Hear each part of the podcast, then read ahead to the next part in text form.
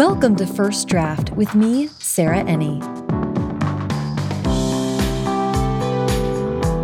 This week I'm talking to Adrienne Celt, cartoonist and author of The Daughters, Invitation to a Bonfire, as well as cartoon collection Apocalypse How, an existential bestiary.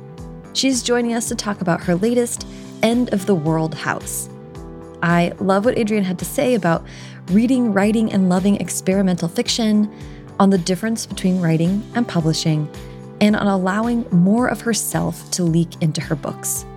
If you enjoy First Draft, there are a lot of ways to support the show. You can join the First Draft Patreon, where for 5 or $10 a month, you'll get access to an exclusive community forum, monthly video chats with me, 15% off all First Draft merch, and more. Check it out at patreon.com slash firstdraftpod. If you want to just donate directly to the show on a one-time or recurring basis, you can do that at paypal.me slash firstdraftpod or donate via Venmo. The show is on there at firstdraftpod.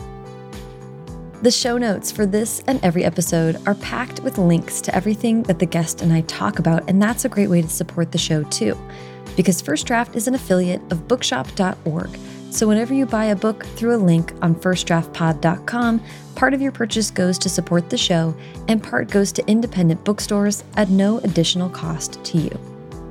And while you're on the website, check out the shop to see all the First Draft merch.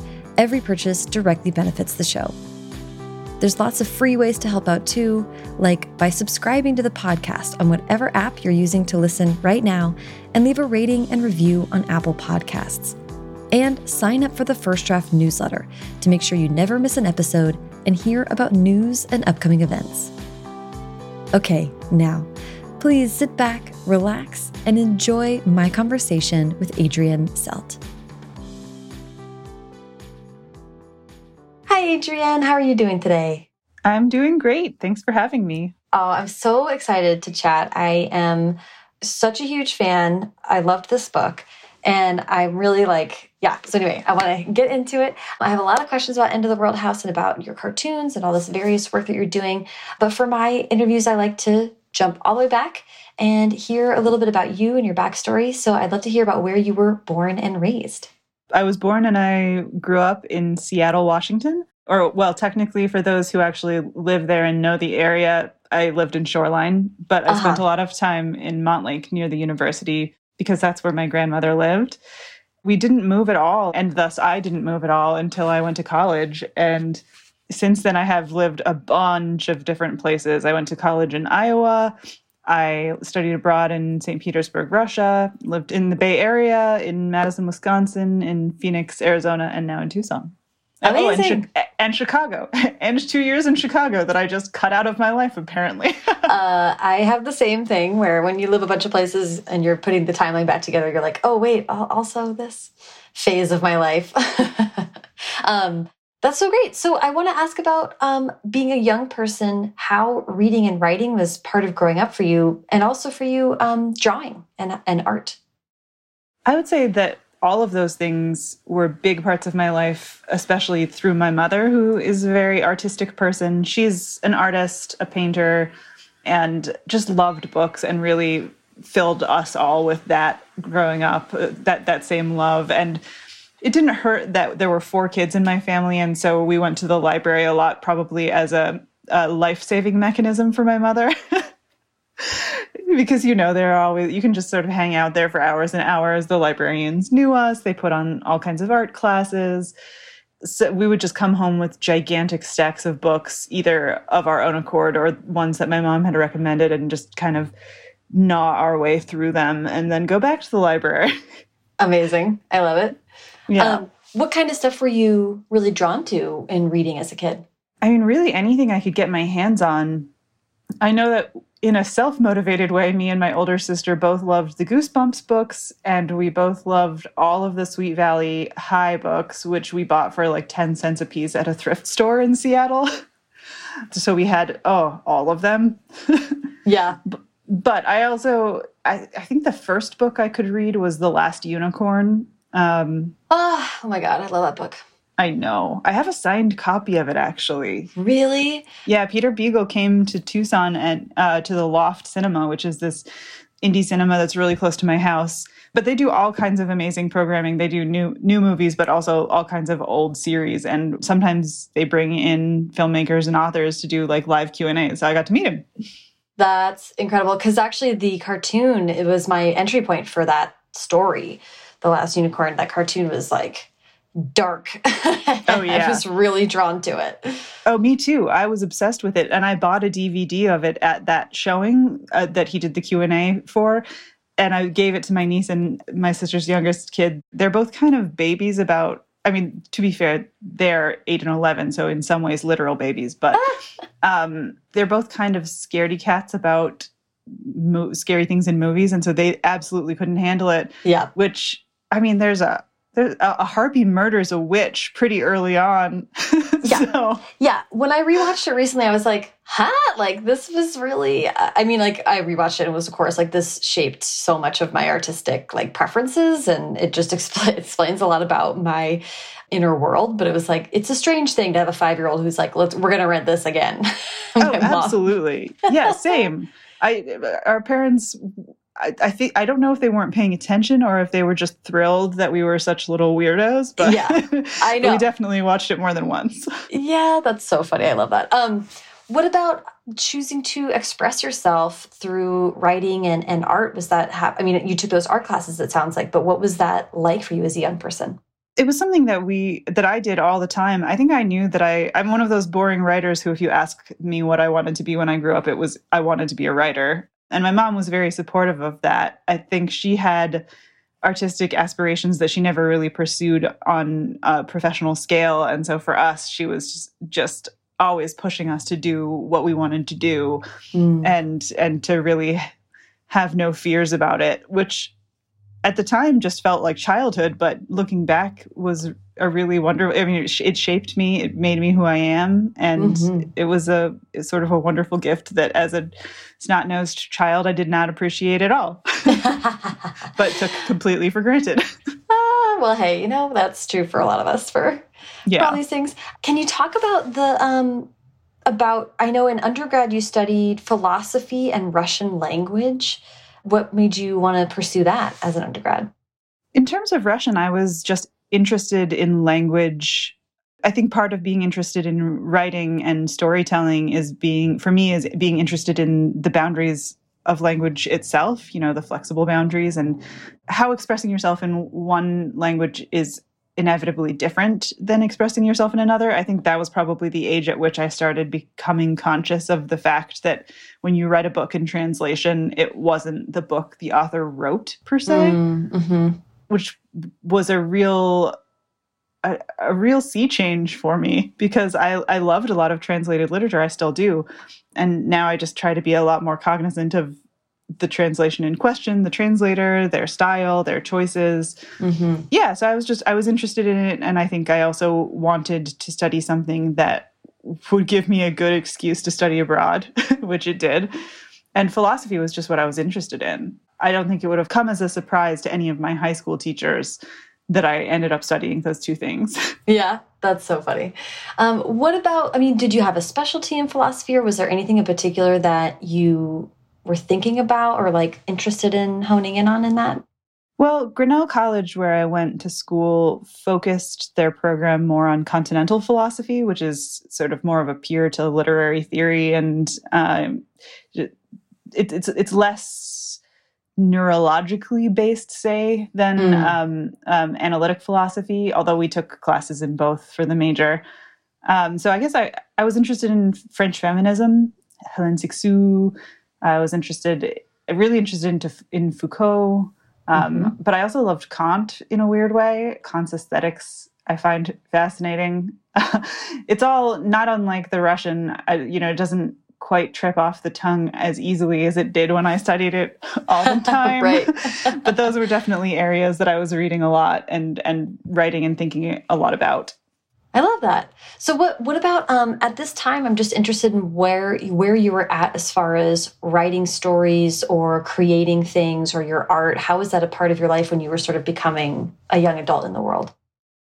Well, when I was in college, I was very open. I didn't necessarily know that I would get an MFA, for example, which is you know a degree in writing. I guess probably people who are li listening to this podcast know that, but just to clarify for anyone who doesn't.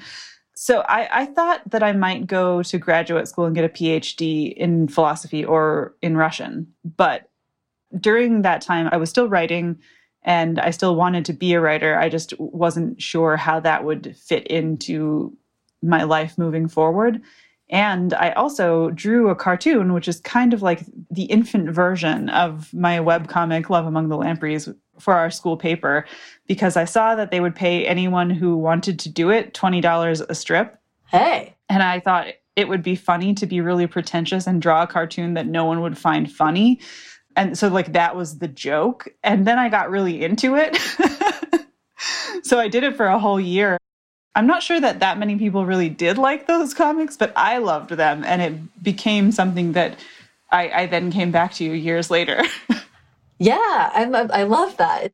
There was time between undergrad and studying MFA, right? You didn't go right into an MFA program. No, I worked in a, at a tech company for a couple of years, or three years, I guess, before I went to grad school. What was your job like at the tech company? What were you? What was this time off like? How did it kind of what were your what was your writing like around that time? Well, at the end of college, I was really burned out of school in general. And I also knew that I was staring down the barrel of just so many student loans. So I wanted to get a job that would pay me a little bit of money. And I didn't really know what that would be because with a degree in Russian and philosophy, if you can believe it, there's not a lot of intuitive job paths from there if you if you don't go straight to grad school. Um, and so I was just applying to a bunch of you know, publishing jobs and writing jobs and you know a lot of stuff that I wasn't really qualified for. And I ended up getting this tech job doing sort of advertising support. Then I moved into a more writing marketing job because once you're in one of the big tech companies, I'm intentionally not naming it because I don't.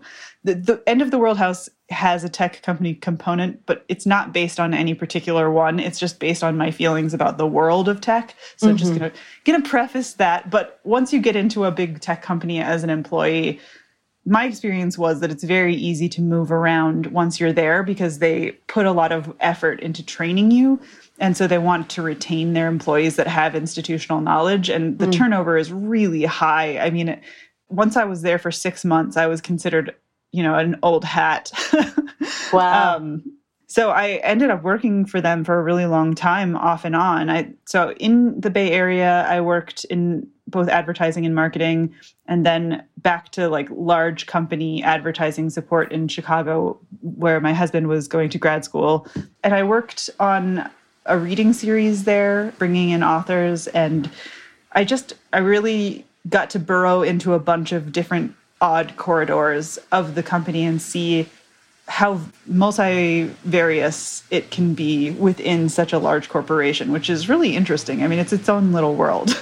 Oh, very much so, especially in tech companies, right? They're really creating this sort of, I mean, I'm fascinated by the world of tech too, so I'm going to try to avoid making that what we talk about for an hour because I, I find it so but fascinating. we could. We I easily mean, could. And it's relevant to the book. yes, it is. It is.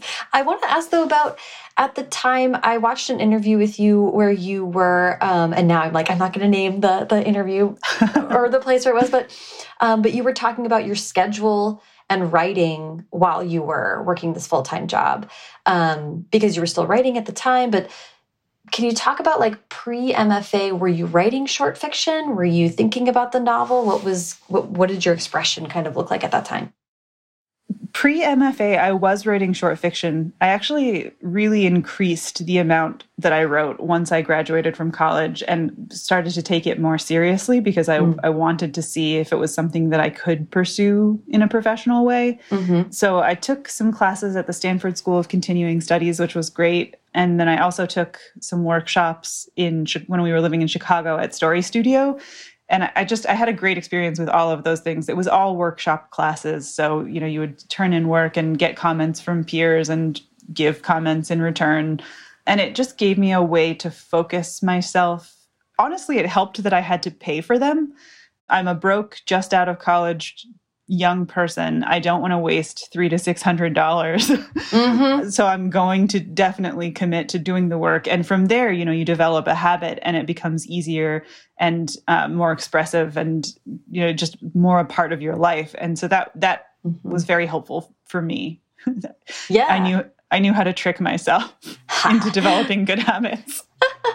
I love that. Well, it sounds like also you're good with a deadline. If you did a, a, comic for for a year for the school paper, and then having these like finding avenues for deadlines to be applied to your creative life is such a useful way to get into it, especially when like no one's holding your feet to the fire to become a novelist. Going to a writing workshop is an easy way to do that. Yeah, I would say even more so than being good with a deadline, I'm good with a schedule. And that mm. is still true. Like I'm a super Taurus. I just love to have things be the same and be a particular way.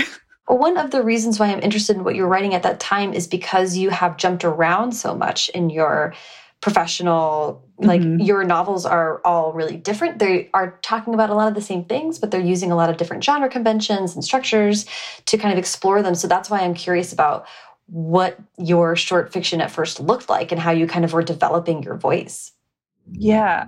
I mean, I think a lot of my short fiction at the time would have looked like almost anyone's early short fiction, like very character based, not a lot of plot happening. Um, I, I, was always deeply interested in language and the rhythm and the sound of what I was writing. But I will say that I can remember writing a draft of a short story for one of those workshops. I think a story studio one that was a zombie short story.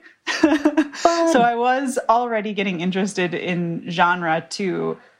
Yeah, I was always in the same way that I was interested in language and that led me to studying Russian. I have always loved complex storytelling, story structure, and the way that that isn't necessarily something that a reader will always think about in terms of the story that they're reading or hearing, mm. but it can absolutely change the meaning of what a person does or what a person says in, in terms of how it's presented to the reader, um, which mm. is hmm. pretty obviously expressed in terms of End of the World House, where Birdie being you know stuck in place everybody being sort of stuck is everybody gets stuck in time you know in a, mm -hmm. in a time loop but that's something that i have thought about for a really long time i mean I studied Nabokov in college, and he is sort of a preeminent uh, experimenter. Um, mm -hmm. I mm-hmm. love Italo Calvino's If on a Winter's Night a Traveler. Mm. So, yeah, I, I was always drawn to stories like that. And I think it took me a long time to figure out how to best do it for myself like what how i would want to explore those things in my own way. And, mm -hmm. and, that's probably why i tend to jump around. I guess i wouldn't say see it as jumping around because like you you said although my novels have very different plots and settings and structures there is a stylistic and a thematic thread of interest that runs through all of them in terms of identity and art and how those one's relationship to those things and to other people and to oneself are formed in, in a context and based on who raised you or where you were raised, what kinds of stories you learned about yourself and about the world growing up. Mm. And those are all things that have always really been interesting to me.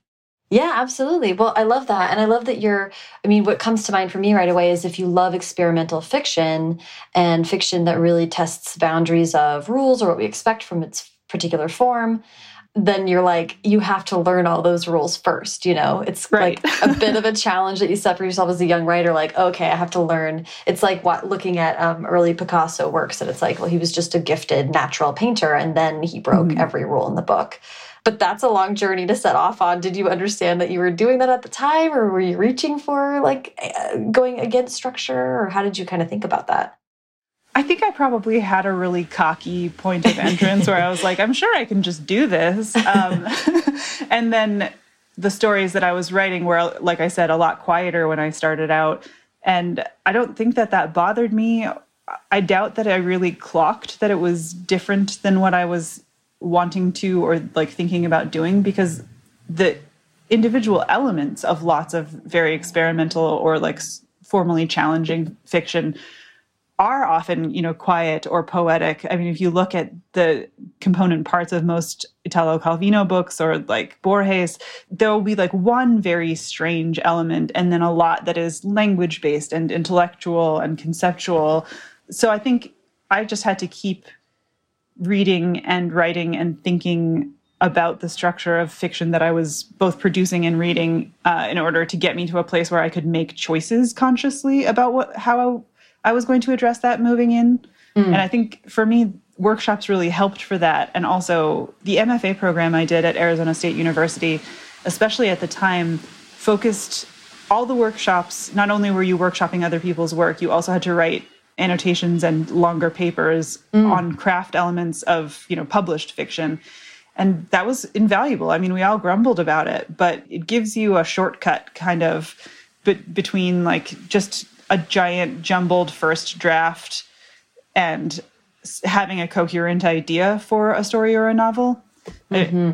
I, I sometimes not to say that my first drafts are beautiful gems, like they're still jumbled messes a lot of the time, but I often will be able to say like, okay, I want to make a choice at the beginning of this story or novel that I'm going to do the structure this way or the voice this way and a lot of things are going to come through discovery and intuition and the happenstance of writing and revising. But the, the fact that you can make choices and that those choices can provide fruitful constraints instead of restrictive constraints was definitely something that I came to through school and through learning and a lot of reading and writing and revising. Mm -hmm.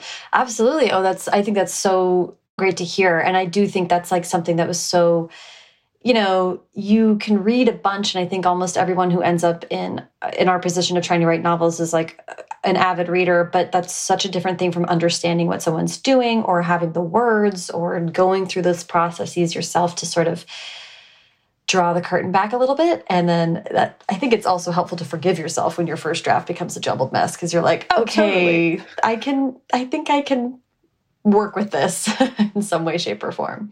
And I just think it's sort of a conceptual leap that when you first start reading very seriously as a writer and and especially if you're reading sort of experimental work, you might still have the sense that this is just the creative work that comes naturally to that writer.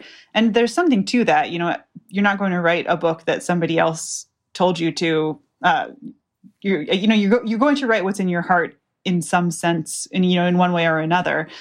But I think that seeing that somebody like Borges or like Calvino or Nabokov was choosing to structure their books in a particular way at the outset was rather than just like letting everything come by chance, like making those structural choices and giving themselves a particular box within to work.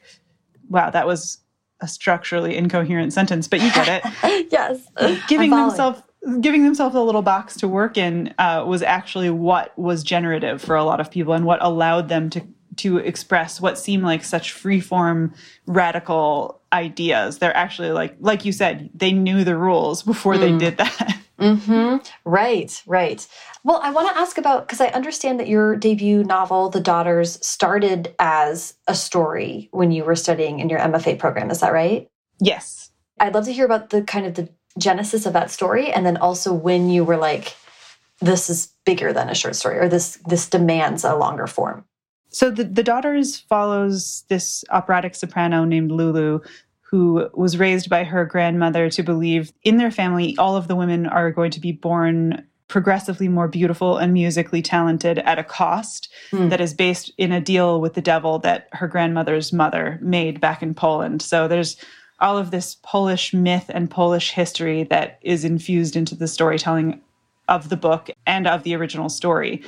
That first idea was just this sort of image of these matryoshka dolls, which is more Russian than Polish, but um, you know these these women just with this particular matrilineal connection that allowed me to explore something in my own personal history because my family is very Polish, very Polish and Russian, and it allowed me to get at something in my family history without attacking it directly through essays, which is never my favorite way to do it. Mm. But I mean, my my grandparents uh, both were resistors in, in uh, Nazi occupied uh, occupied Poland. My grandfather he was a courier for the Polish government in exile and made two drops into occupied Warsaw and helped plan the Warsaw uprising and and my grandmothers on both sides were you know wonderful storytellers. I was raised very closely with my maternal grandmother and she she was also an artist and a painter and a mm. you know a writer and a storyteller. All of those influences came into just that individual first story that was probably you know 15 to 20 pages long.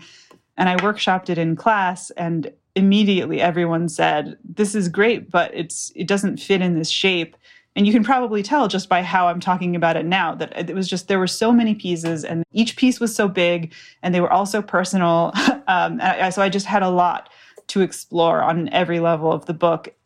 And I originally started by trying to make it into a novella because that was a way I could get my MFA thesis advisors to agree to it. And I think it also made it seem more manageable to me. So it was another psychological trick I played on myself. Mm-hmm. So I expanded the story into something like 90 pages, and that was still obviously too short. So I kept expanding it. And by the time I graduated, I probably had like 200 pages, not all of which ended up in the final book, but I kept expanding and revising it after school was done. Mm-hmm. Um, and while I was querying for agents for the for that novel, I actually ended up stopping the query process mid process to revise it again because I got a couple of near misses from people mm. that they both had very similar advice and it was good advice because I ended up getting an agent after I did that revision. ah, there you go. And it's also I, I, I like I appreciate you saying that because I think it is so useful to hear when you get feedback like that is that is consistent and feels right to you Yes. That is kind of a good sign that you're like, oh, okay. I'm glad you were able to like put put the brakes on and come back with something that was what you wanted. I get a lot of questions from people about agents and R&Rs and is it appropriate to send out based on whatever? And it's like, yes, you can stop, rethink it, rework it, and start again. That's great that you did that. It can be a really hard and scary choice to make if you've already made the choice to, you know, say, I believe in myself and I believe in this project and I'm going to put it out into the world, it doesn't have to mean that you don't believe in yourself or your project to take the step back. It can be a, a vote of even greater confidence, I think. I mean, that's mm -hmm. certainly what I try to tell students when they have the same sort of fears. I think that I resisted that idea for a while. And then when i just th those two very near misses that had such similar feedback that i could very easily see how to integrate into the book i was like okay yeah this is something i can do. It's scary and it's hard but it's worth doing because i can see how the book will be stronger on the other end. Mm -hmm. yes absolutely. I love that. I love that so you brought us to getting an agent for this book, but what was the debut and publication experience like for for that novel? Uh, it was great. I mean, I did get an agent once I had done that revision of the book, and we did some more polishing of the manuscript and then sent it out. I really love my agent. She's still my agent, Emma Patterson of Brandt & Hochman. If anyone wants to try querying her, she's just a delight, and we're very close we we very similar people. And so i basically told her like yes send me all the rejections as well as any acceptances Ooh. which is is yeah it's bracing. I'm not sure i recommend it but it just depends on what kind of person you are. I like knowing more than i like not knowing. Um, mm -hmm. so it took a few months to sell. And when we did sell it we sold it to katie adams who was then at liveright who had just given birth to her first child. So it turned out to be a really wonderful you know convening of forces and you know people who cared very strongly about the story and the kind of story I was telling around the book. So it was a, it was a wonderful experience. So I read an interview you were promoting the daughters and talking about your next project and you described a book that has not been published. So I'm guessing there was a book in between the daughters and Invitation to a Bonfire that you were working on and did not pursue to the end. that is correct. I do have a finished draft of it, but I don't really want to go into too much detail about it, except to say that I still really love that book. I'm glad it's not published. I just printed out a copy to give to my brother for his birthday because it's kind of a Western. Oh. um, so he he may or may not be the only person who ever reads it. He'll probably give it to my dad. Um, oh, funny. It was a book that I had to write then, and I, yeah, it's it's sad to not publish a book, but we didn't go out wide with it, so it wasn't as much of a heartbreak as it could have been. It was more as I was working on revising that book and feeling like it might not go anywhere, and or I wasn't sure what to do with it to make it more publishable, mm. uh, and I wasn't sure if I wanted to. I at that point got the idea for Invitation to a Bonfire, which really just took over my brain. Mm. Um, it was a quick, intuitive, flame like process, and I wrote the first draft of that book in something like four months. I mean, really quickly for me. And, wow. it, you know, it took a lot longer to revise it to the point where we could publish it, but it was always a much clearer vision in my mind. And that I think made it easier for me to transition away from the project that was over. Um, yeah, it's just, you know, it's always helpful to have a landing pad.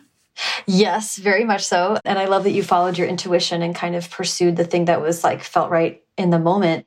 And you kind of touched on this, but the reason I ask is because this is this is more common, I think, than we understand. That there are, mm -hmm. for every book out there by authors we love, there are probably at least a few that um, that didn't work or just weren't right. Um, yeah.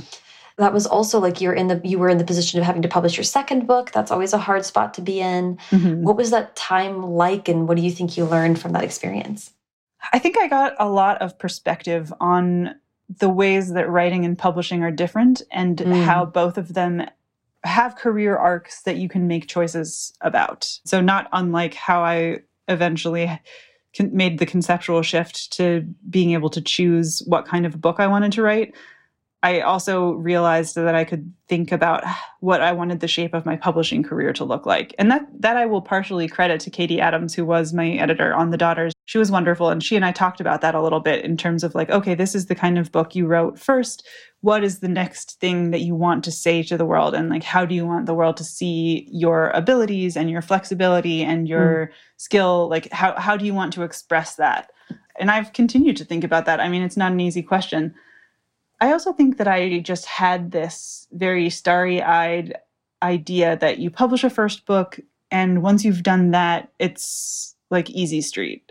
um, eh, you know, every book that you write will be published to great fanfare, and you'll always know what you're doing, and you'll, you know, you, you've sort of reached some sort of adult level of being a writer, and that's just not how it works. Partially because publishing is complicated and partially because as a writer, every book is going to be a new challenge. And so you're going to pick things up, you're going to put them down, you're going to have to push through difficult times, you're going to have to you know reinvigorate your in interest in something that's flagging if you think that it still has legs and it's really difficult to tell the difference between those two things. Mm -hmm. um, so I think it just gave me a little more backbone. Is maybe the short answer. Um, mm -hmm. It allowed me to to make stronger choices and to be honest with myself about what is and isn't working, and to think through whether it's always worth pushing a project into the world if I'm not fully satisfied with it when I could write something that I am fully satisfied with and share that with the world. It's not mm like the the other book is in any way dead in my mind. Like to me, I still actually think about those characters all the time. It's really meaningful and maybe more alive than almost anything still in my heart just because it's very personal still and it always will be. Mm. Oh, that's so interesting. I mean, is it accurate to say like what I'm getting from from what you just said is that you had the opportunity to kind of decide whether you wanted to prioritize having a career where you're i'm trying to think about how to like, I guess maybe one way I would say it is that I realized that I didn't have to fall prey to the sunk cost fallacy. If you write a book, it's not necessarily the case that A, you have to, just because you spent a long time on it doesn't mean that you have to keep working on it forever if it's not what you're interested in doing anymore or if it doesn't feel like it's working. And second of all, this is less sunk costy, but still true the value of a piece of art that you make isn't necessarily directly related to whether or not it's ever published. And yes. I think that's, again, another concept that is very scary. And unsettling and it was hard. I mean, it was hard. I cried. it was a hard time. Mm -hmm. But I don't regret writing that book and I don't regret that it wasn't the second book I published. So right.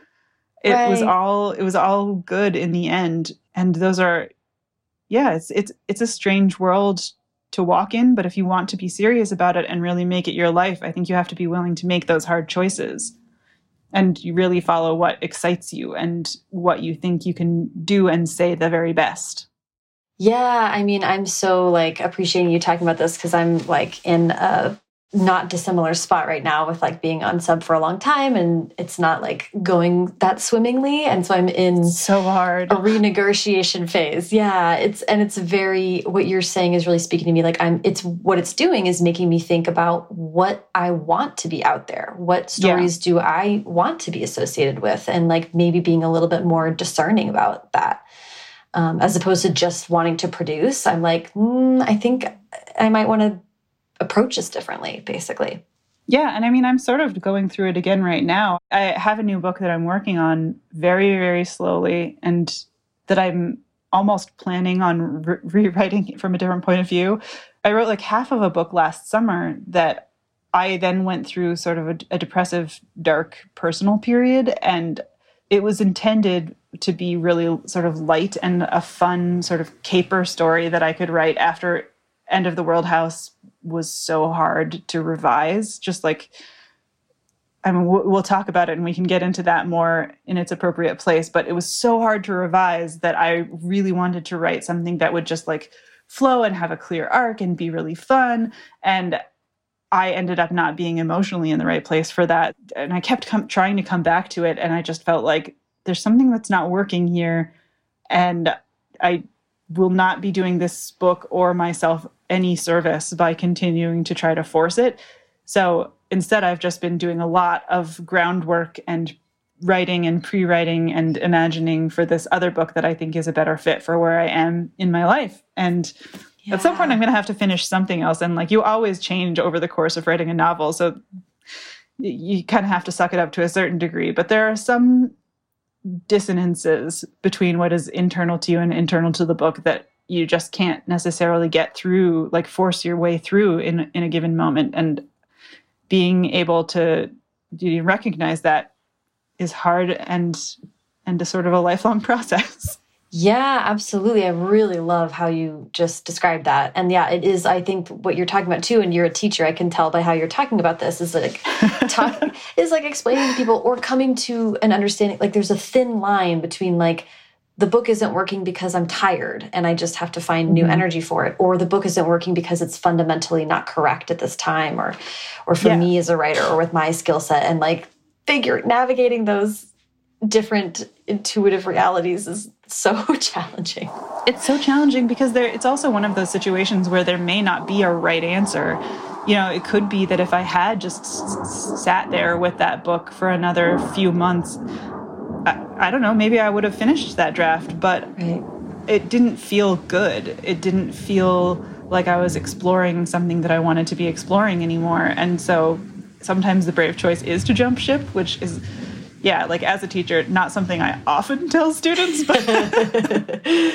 uh, right. Or not what we hear sort of externally, right? That's not like, yeah. I mean, I'm also like renegotiating my relationship to like grind culture and like always be writing and like oh yeah seriously like, maybe i need weekends actually yeah i mean that's something having I, I worked in tech for a really long time and so i had a very intense self motivated schedule then where I would get up and I would always write for at least an hour before I started my day job.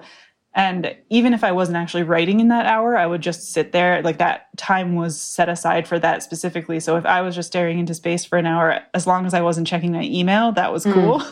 Mm -hmm. um, and then if it was going well, sometimes I would just scam my way into a little bit of extra time while I was technically logged into my work. um, but and I was riding horses a lot at that time and it was just like I had a very very very rigorous schedule. I was grinding really hard and eventually through a combination of book sales, selling a TV option and my husband having a job in tech now, I was able to at least for a while quit my day job and mm -hmm. that has allowed me to have weekends and I still feel really guilty whenever I mm. take them. So wild. It's like I don't know. That's that's something I'm thinking about a lot. You you brought us into End of the World House. I'd love before I ask you specific questions about it and how it came about, can you please pitch this book for us? Yes. Okay. So, End of the World House is a novel about two best friends named Bertie and Kate who are on vacation in Paris. The world around them is falling apart in a way that I describe as like a little bit like five minutes fast forwarded and a step to the side from our world as we know it now. Certainly, our world as we knew it in 2017 when I started writing the book. There's wildfires and environmental catastrophe, but also there is a massive amount of world conflict. Like, as I think I describe it in the book as like not quite a world war, basically a world war, but nobody will call it that. Mm-hmm. And they're in a period of ceasefire. And also, Kate is about to move away from where they both live in the Bay Area to, to Los Angeles. And Bertie's afraid that something's going to happen and she's never going to see her again. So that's how they have both come to Paris. And while they're there, they meet this guy at a bar who's kind of a shifty dude, but is flirting with Kate. And he says he works at the Louvre and he can get them in on the day that it's closed so they can have like private time at the Louvre. And from there, everything becomes very weird. They end up stuck in a time loop in the Louvre, so they keep living the same day over and over again. But unlike, say, Bill Murray in Groundhog Day, they're not aware of it on a conscious level.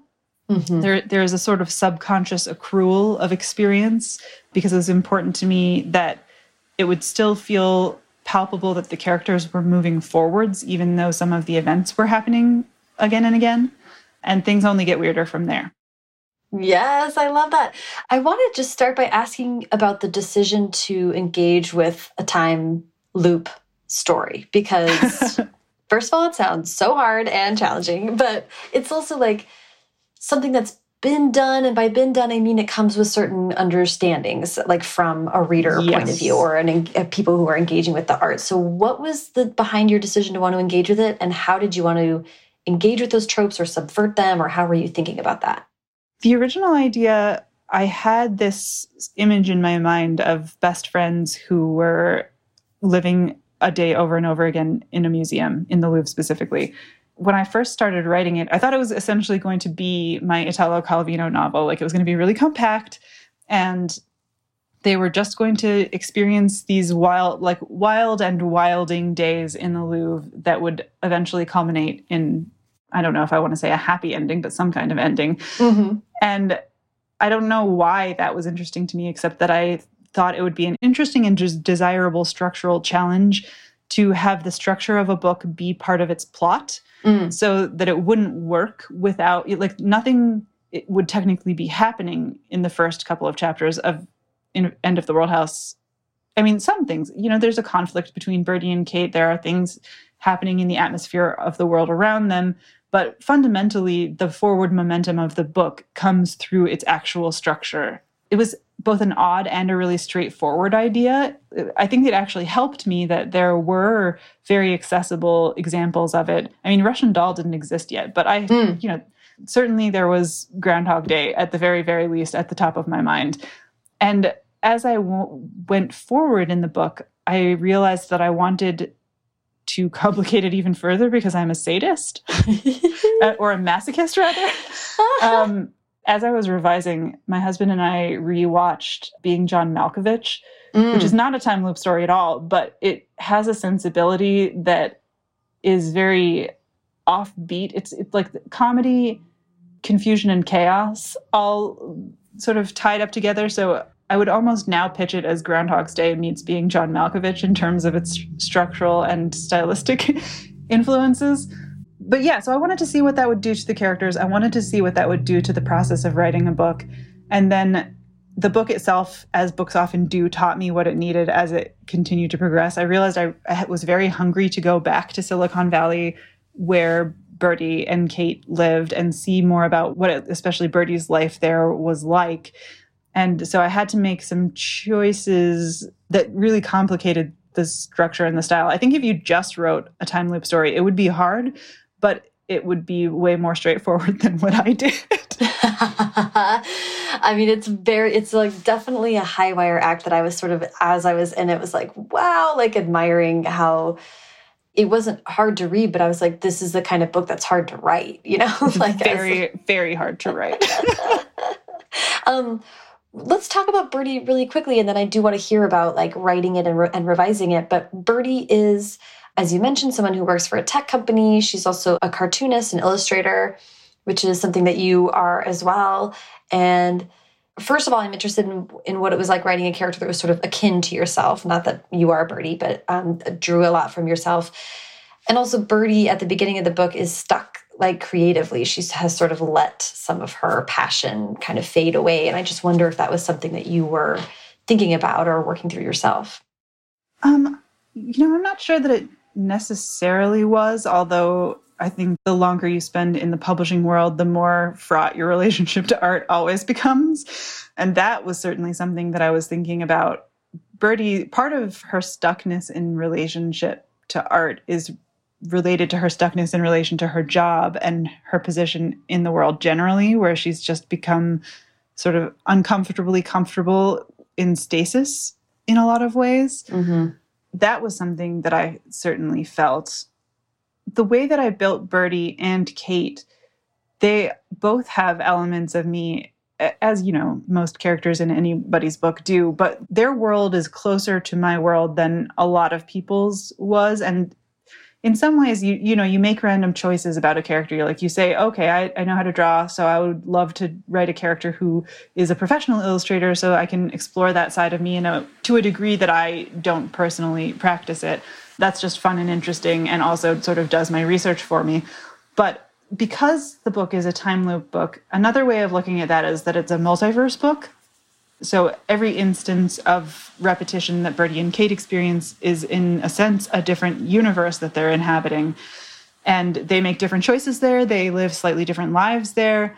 So, one of the weirdly spiritual ways that I thought about the book as I was writing it was that I allowed a lot more influence from my own life to leak into it than I usually do. So I sort of thought about myself as like a much, much more spun out version of them. Like, again, it's not an autobiography by any means, but I do have a close friend who I modeled Kate on who knew about it at the beginning. They are not the same. I have to very clearly state, first of all, that at one point Bertie calls Kate her best friend the bitch, and that is not something I have ever said about that person.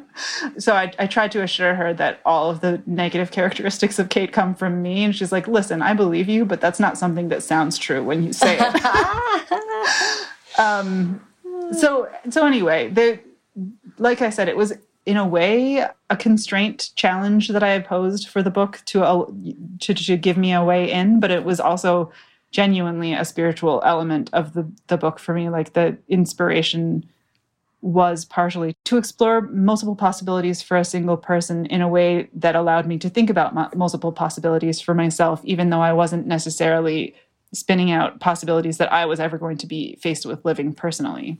Mm. Oh, I really like that. And that makes it feel like really, yeah, psychologically fulfilling and also challenging. That would be a, a tough place to put yourself in as a creative. It is because obviously there are a lot of things in the book that are completely made up. And I mean, not least the science fiction elements, but when you revise a book, no matter what your precious first idea about it was, you're going to have to lose some piece of it as you revise to make the book work in and of itself. And that's a lot harder when you're making tough choices and some of the things that you're losing are related to your own life.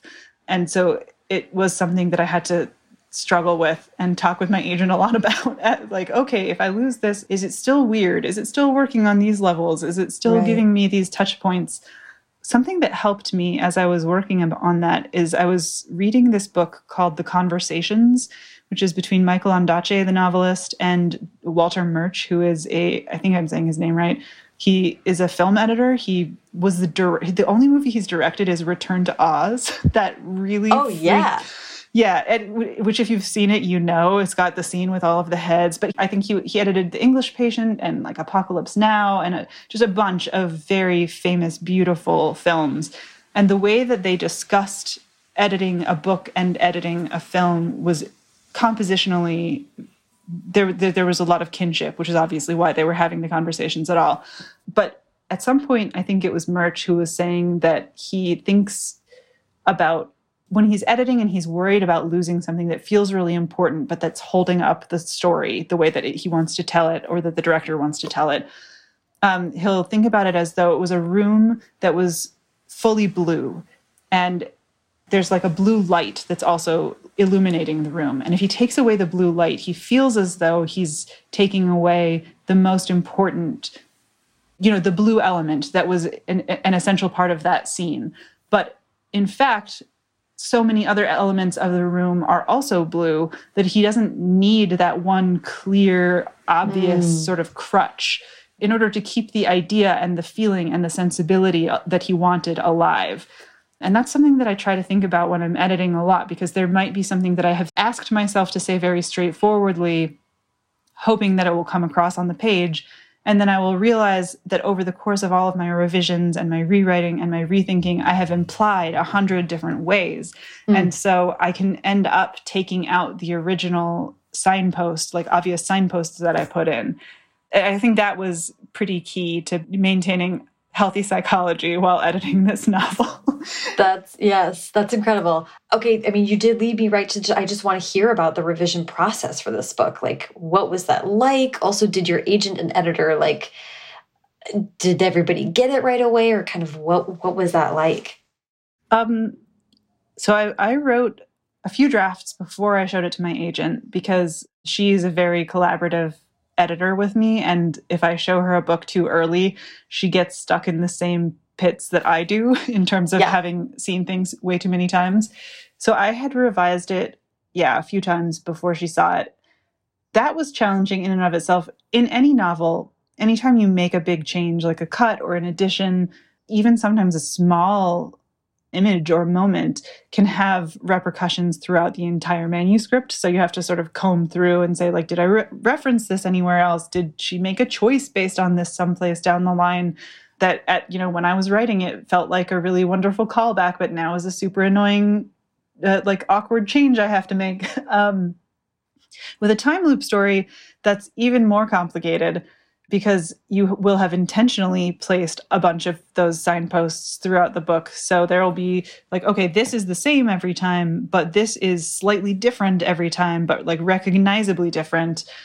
And then there are also just a lot of thematic callbacks to the idea of repetition or to particular things that happen. And it was also a, a challenge to balance the level of strangeness within the world for instance, there's a time loop with a still recognizably real world outside of that. You know, it's it's like sci-fi, but also realism.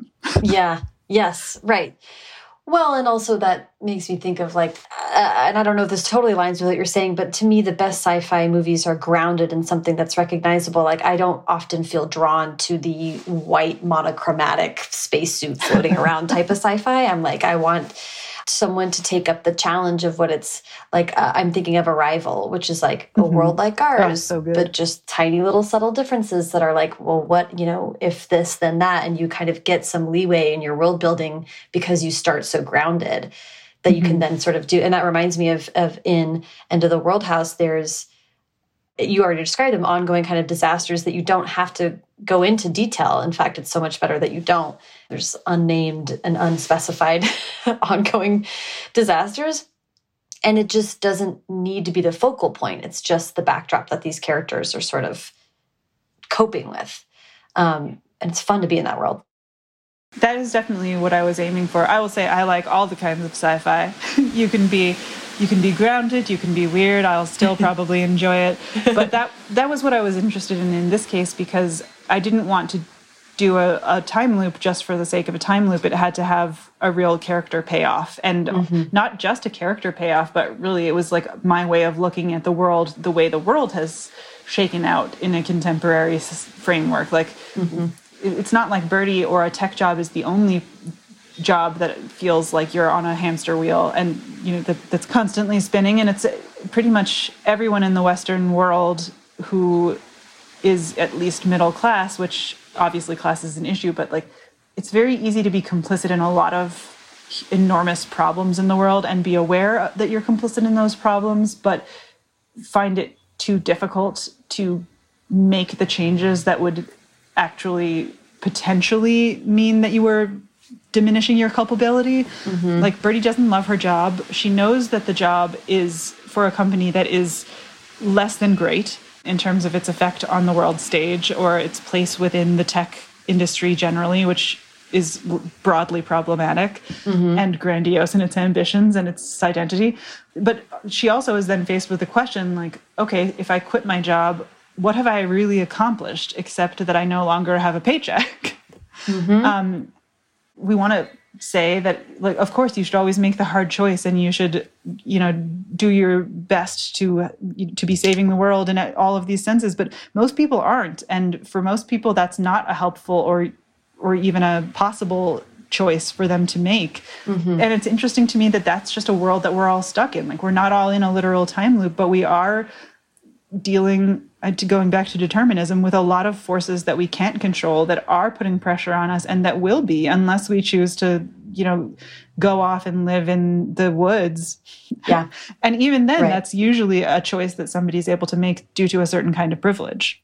Yes a hundred percent. And that's that kind of cognitive dissonance you know that's what struck me reading it like the cognitive dissonance that we're all living in which is like the surreality of the present threats we face alongside the fact that we continue to live straightforward lives the way that humans always have and sort of like now in our particular moment those things feel so at odds or like they can't coexist for that much longer which is mm -hmm. you know the the scary part um, but that um, doesn't seem real also. Like we all know that climate change is real and happening, or at least, you know, most, many to most of us do. Mm -hmm. Or we know that socioeconomic differences are becoming so, so stratified that, like, at, at a certain point, something's got to give. Or we see things like Ukraine being invaded by Russia and wonder, like, okay, our choices between helping Ukraine in a material way and potentially angering Putin and creating a world war with nuclear nuclear yeah.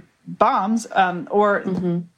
or not, and then just sitting back and watching as all of Ukraine is destroyed, and those neither of them is a good choice.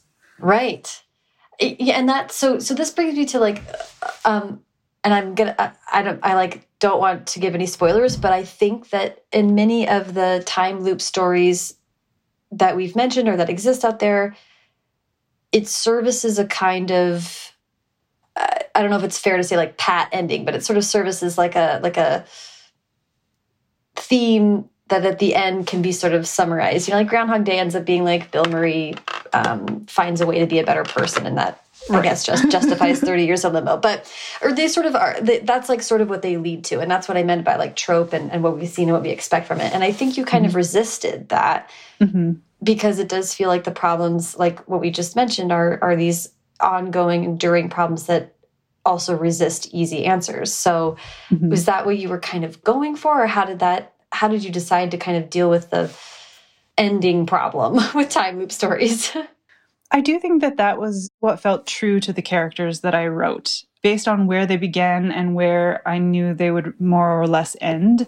It wouldn't have felt realistic for me for them to have progressed any farther than they do. And I think that major changes are made by every character by the end of the story. So you you can definitely see how the experiences have altered them, mm -hmm. but they're all at this point and the world that they're in is at this point of a precipice.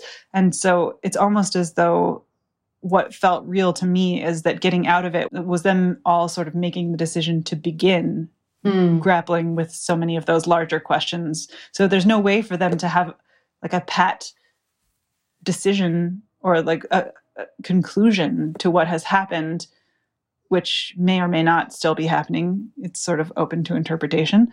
Mm -hmm. um, because even if they are in fact out of the time loop and like moving forward in their lives, they still have a lot of those structural problems if not the structure of the loop itself, still exist for them. Like all of the mm-hmm. other loops that they exist in in their lives, the jobs that they do, the art world's relationship to, you know, deifying certain pieces or artists at the expense of others, their place within uh, the environmental crisis, like all of these things are still there. And they're there on a personal level and they're there on a larger structural level. And so they're they're all going to have to grow up and deal with it. Yes, yeah. Was there anything else about End of the World House that you wanted to get into or that you think is really important to bring up? Uh, I think we've covered a lot. I think there's a lot more about the art world that we could talk about, but that would take another hour long podcast probably. um, and there are, I will say, there are a few illustrations in the final book that I did myself, which was awesome. fun. Yeah. That's so great. Yeah, do you want to just briefly, that we'll kind of wrap up, I, I wrap up with advice, but before that, I'd just love to hear a little bit about your continuing cartoon work and how that continues to feed your creativity and, and work alongside your writing. Sure. For End of the World House, it had a very clear connection because since I knew that Bertie was a cartoonist, I didn't actually plan to do illustrations for the book. That was something that my editor and I decided on after she had already bought the book. But whenever I got stuck the way that I was able to stay in the world of the story when I wasn't actively writing or revising was I would just illustrate little pieces from it.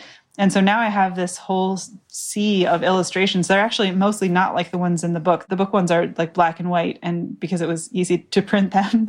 Um, but the ones that I was doing, uh, I mean, some of them are black and white in my notebooks, just like little side sketches, but a lot of them were watercolors that I then, you know, did a pen and ink sort of cartoon layer over. Yeah, so that was not something I've done before, and I really loved it. And now, even some of the illustrations I have are from scenes that aren't in the book anymore. Interesting. and so yeah. it's almost like they are this other universe or like other loop mm. from from of po another possibility for the book exists in those illustrations as well. Oh, I love that. Kind of a monument to your process. Yeah. So I'm continuing to work. I got an iPad and now I am doing some illustrations and cartoons that way, which is different than what I've done before. And I am surprised by how much I like it. but that's great. Yeah. Yeah. I wouldn't say it's better or worse. I know a lot of people who prefer to do their art analog really dislike the iPad because it's it is different. Like you're you're getting different effects, you have different choices, different possibilities. But so much of what I do like Love Among the Lampreys, which is the cartoon with the webcomic I've been doing for years. I actually still do that analog, but all of those things were then scanned into a computer and edited using software. And at a certain point, it felt like, well, is it possible to cut out the middleman here? so mm-hmm. I can mm-hmm. do, and it, so that's allowed me to do a lot more art. And I have some cartoons coming out. I did some for the offshoot journal of Hobart Had. That was Valentines for people that you're committed to destroying in secret. Those were fun if you want to check those out. And I have some coming out with the Rumpus in a little while. And I'm just, yeah, I'm, I'm doing a lot more thinking about what it would look like if I wanted to do a more committedly graphic novel type project, but I don't totally know yet. um, and yeah, it's just, it continues to be part of my artistic process. I love that. I think that's wonderful. I also love how you're talking about sort of engaging with like if something's blocked, like turning to the other thing and sort of letting. Oh, 100%. Yeah, that feels so, so. Even if the other artistic thing is like going for a run or whatever, you know, people always talk about how those coexisting with your creative life and broadening what you think of as a creative act is really useful. Absolutely. Yeah. Um, well, this has been such an incredible conversation. I, I just one last question that I like to just wrap up with advice. And you're a teacher, so I know you have a lot of things to say, I'm sure, but especially maybe advice for people who are interested in structural challenges as as ways to kind of get into a project. Sure. I think first of all, look into some books or stories that use structure in an interesting way. So, for instance, Pale Fire by Vladimir Nabokov is a great example of that. Or If on a Winter's Night a Traveler, or Charles Yu's uh, Interior Chinatown. Mm. Um, I, am actually starting to think about a lecture. I'm teaching at the Warren Wilson MFA for Writers this summer, and I'm going to do a lecture on st using structure in the novel and sort of counterpointing it with the fact that in poetry, using structure or like received form is very common so I, I, guess the advice is first of all, look to examples, always be reading. And then mm. second of all, don't be afraid that you will limit yourself by making a big bold choice, I think you'll find that it's more freeing than anything else. Because the scariest thing is obviously the blank page, right? so once you have made a big choice, you're still very free within it. And it almost feels like a deeper freedom because you've sort of found your footing within the world that you're going to play around in. And from there, you can explore almost infinitely. Oh, I love that. And the advice of just making a decision is is always a good one. you can yeah. always unmake it. You can always start again. totally. I mean I mean like easier said than done, but making a decision is fun and it's part of it. So you'll you're just yeah. going to have to. yeah, totally. Um, oh, Adrienne, this has been so fun. Thank you for giving me so much time today. I loved End of the World House and this was such a fun conversation. Thank you so much. It was really fun to be here. Thank you so much to Adrienne. Follow her on Twitter and Instagram at CeltAdri, C E L T A D R I. You can follow me on both at Sarah Enni and the show at First Draft Pod. First Draft is produced by me, Sarah Enni. Today's episode was produced and sound designed by Callie Wright. The theme music is by Dan Bailey, and the logo was designed by Colin Keith. Thanks to social media director Jennifer Nkosi and transcriptionist at large Julie Anderson. And as ever, thanks to you, French feminist philosophers, for listening.